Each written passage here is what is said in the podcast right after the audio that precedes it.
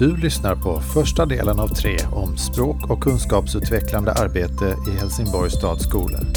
I det här avsnittet är det fokus på flerspråkighet och modersmål. Hej Josefin! Välkommen till Kvartssamtal. Hej Ola! Tack så mycket. Kul att vara här igen. Och idag ska vi prata om språk. Mm. Jag har talas om att eh, bebisar skriker på sitt språk. Om man pratar tyska kring ett barn så skriker det också på tyska. Det vill säga att bebisen skriker på, på sitt språk redan som bebis. Säger forskningen. Tycker det låter mm. superspännande. Coolt. Mm. Och jag har hört att i Sverige talas det ungefär 150 olika språk. Mm. Och med tanke på det så har vi försökt att fördjupa oss lite det här med språk och kunskapsutvecklande arbetssätt. Vi har träffat eh, flera personer i Helsingborgs stads skolor. Eh, och de har berättat om hur de arbetar, olika metoder och i olika åldrar. Men alla har haft språket i fokus, eller har språket i fokus. Och det finns ju som sagt väldigt många sätt att arbeta språkutvecklande. Jag träffade Aurelia Palitskene mitt i en lektion på Dunkers kulturhus i Helsingborg.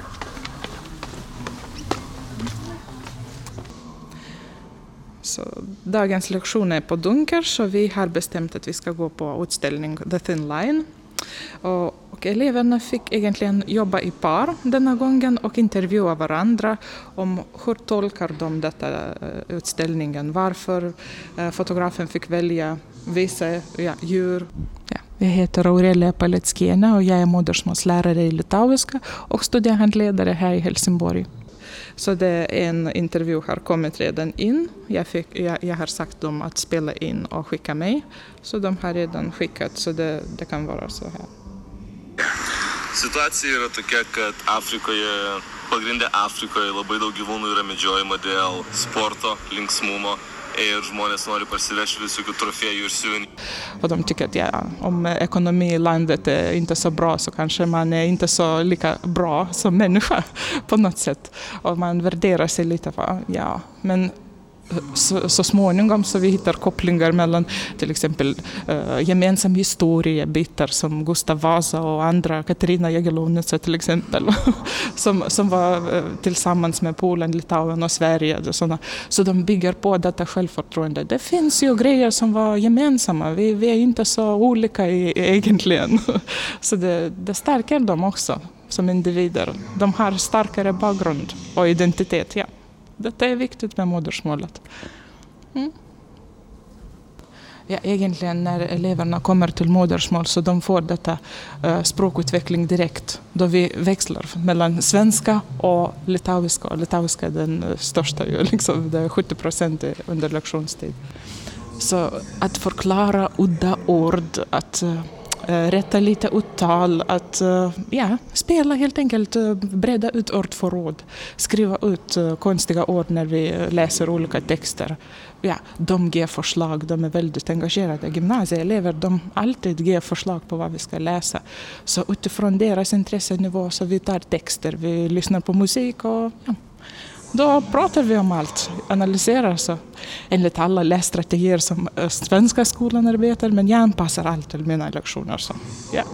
De utvecklas, jag märker ju, de eleverna själva märker och utvärderar detta. Det känns skönt. Det kommer fler och fler varje år så det, det är detta som räknas tror jag. Eftersom jag gick i fokusgrupp med ko kooperativlärande så jag använder många olika kooperativa strukturer. Och de, de jobbar i, i par, i grupp oftast. Vi växlar lite, jag ser vem som samarbetar bättre med vem. Eh, och, och då, ja, vad de gör. Vi får till exempel samma text, alla, men de alla eh, får lite olika uppgifter med vad, vad de gör. Eh, vi jobbar utifrån olika, eh, till exempel en letar efter svåra ord, en annan letar efter sammanfattar eller ja, berättar vad de visualiserar lite och så, så det är lässtrategier. Uh, sen jobbar vi utifrån cirkelmodellen också och den är väldigt språkutvecklande för att de, de vågar då. Tillsammans uh, skriver vi gemensam text, sen de vågar att skriva egna texter med egna ord. Och, ja. och till och med om de får lite stödord och lista så de använder dessa. Så småningom kommer dessa ord i deras uh, vanliga ordförråd. Ja, så det är så. Men det är därför de känner igen att alla andra ämnen de använder samma struktur. Så de känner igen att ja, då jobbar vi här även på modersmål på samma sätt. Och det är också trygghet, men de använder ju helt annat språk. Fast de ser koppling med, mellan svenska och engelska till exempel och andra språk och, och modersmål, litauiska till exempel. Ja, trots att de är jätte, jätteolika. men uh, ja. Några som också har erfarenhet av elever med många olika språk är biträdande rektor Birgitta Jönsson och läraren Angelica Stroili på Visselgrensskolan. Och när jag hälsade på hos dem så berättade de om sitt arbete med transspråkande, eller translanguaging.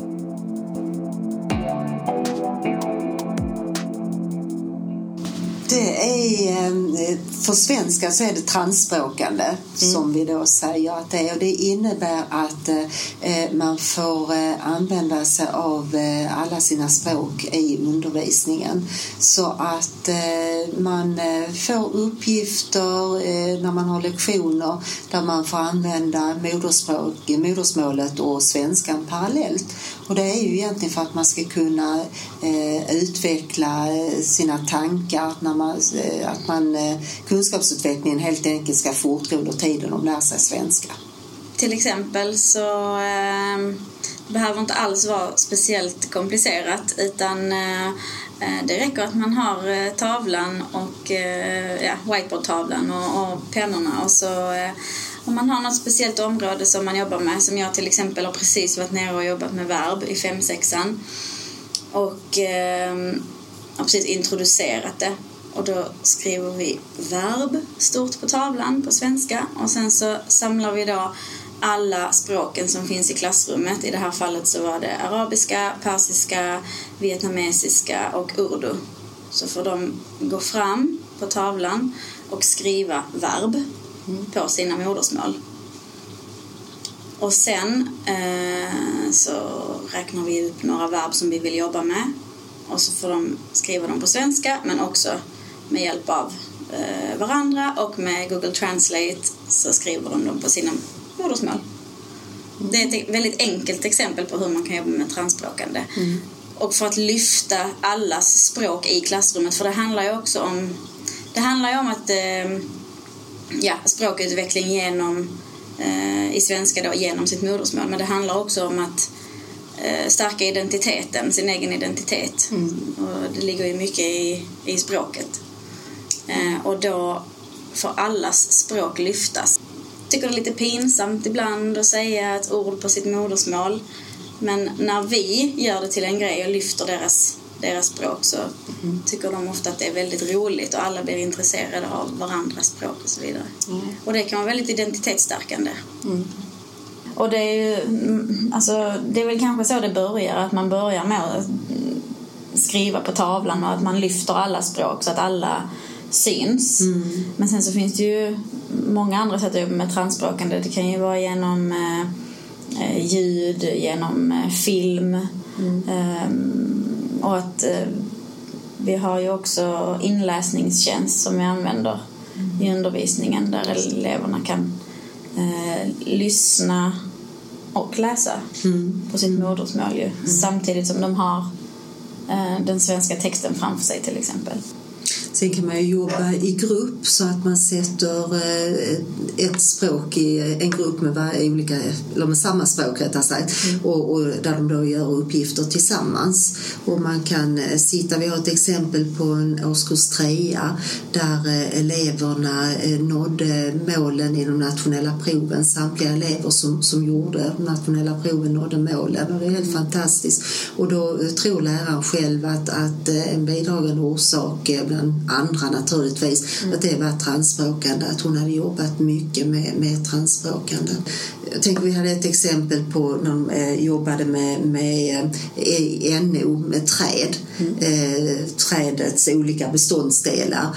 Då hade de satt upp på väggen eh, på svenska och trädets olika beståndsdelar och sen så hade de eh, alla, alla olika språk som fanns där. Jag tror det var nog 15 språk i den gruppen där de då fick gå fram och, och eh, skriva vad det hette på sina språk. Där man delar in det också om man kom från Europa eller från Asien eller var man kom ifrån. Mm. Så det, det, bara det att, att vi, vi vidgar ju vyerna för våra elever mm. när vi har eh, flerspråkiga och eh, från olika kulturer.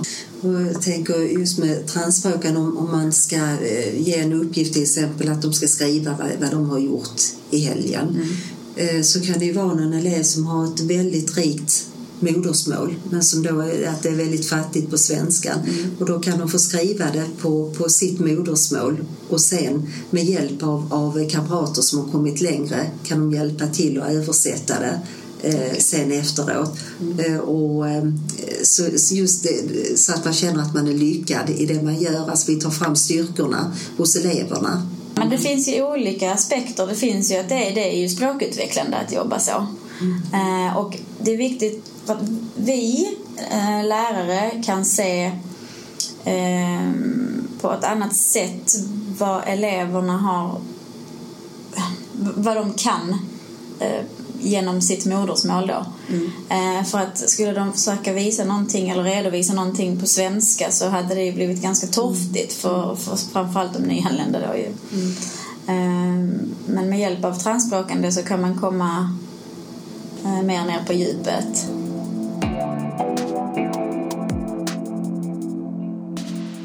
Nu har vi hört Aurelia, Birgitta och Angelica. Och man förstår ju verkligen att flerspråkighet är en tillgång.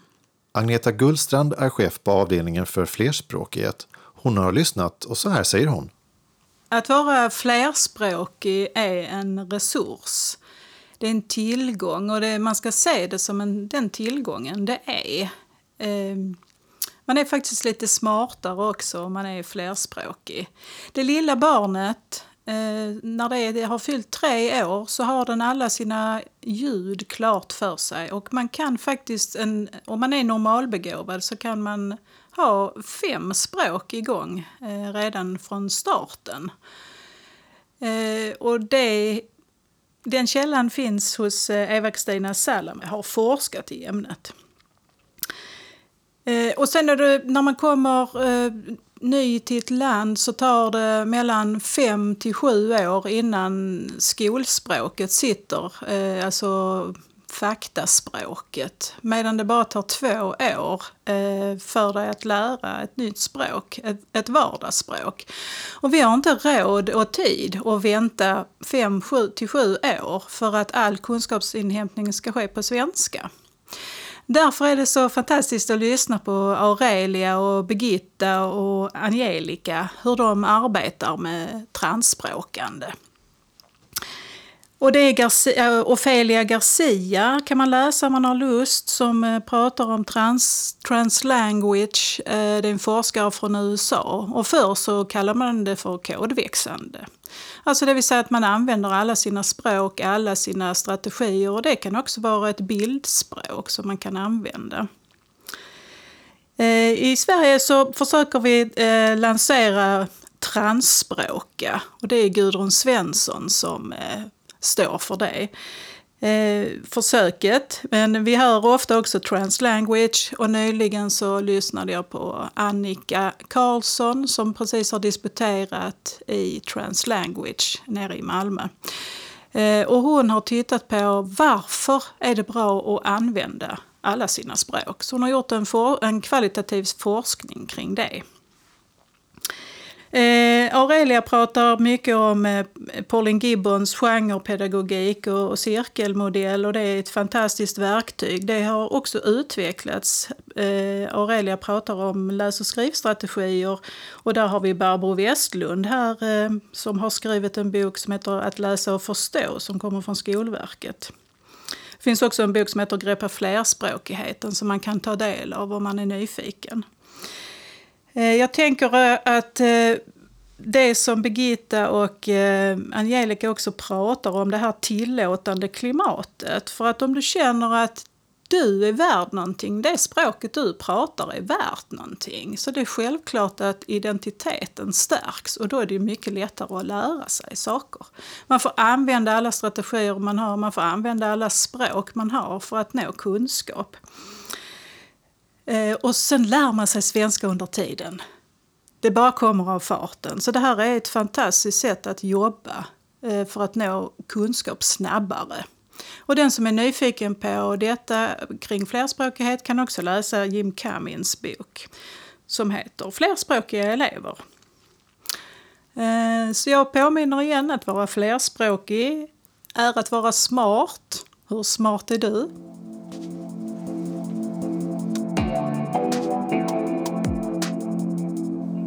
Anna Rotman och Gabriella Viktorsson arbetar som språklärare på Olympiaskolan. Vi lyssnar på hur de tänker kring språkutvecklande arbete på gymnasiet.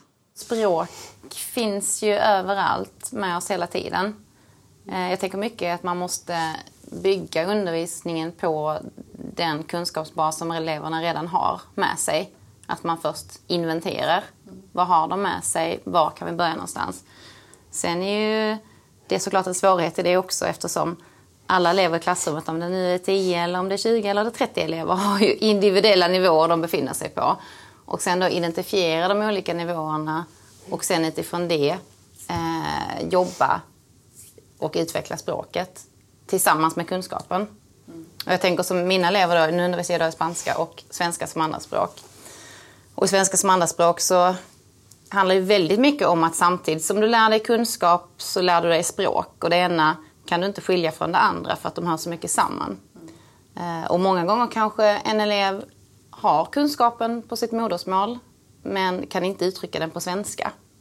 Och ibland så har man inte ens lärt sig den förmågan eller den kunskapen på sitt modersmål. Och då ska man lära sig det samtidigt som man lär sig svenska. Den här dubbla uppgiften som man pratar om många gånger för andraspråkselever.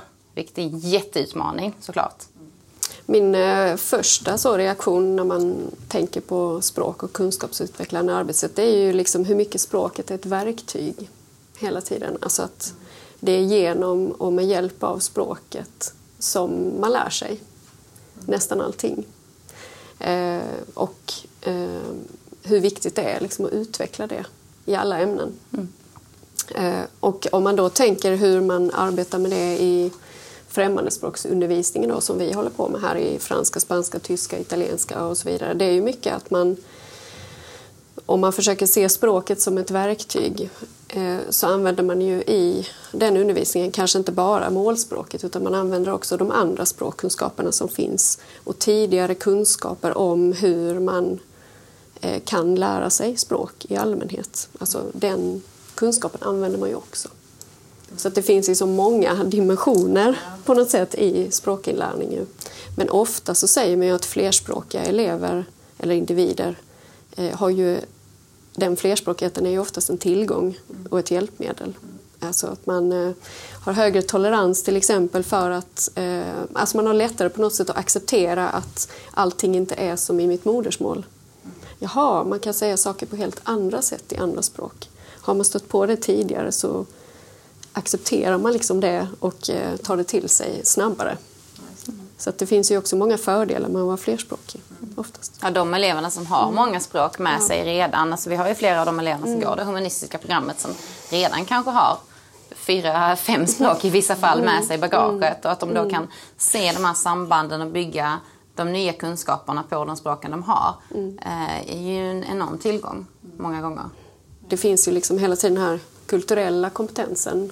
Eh, som också följer med ett språk och en språkmiljö eller olika språkmiljöer som, som finns för de här språken.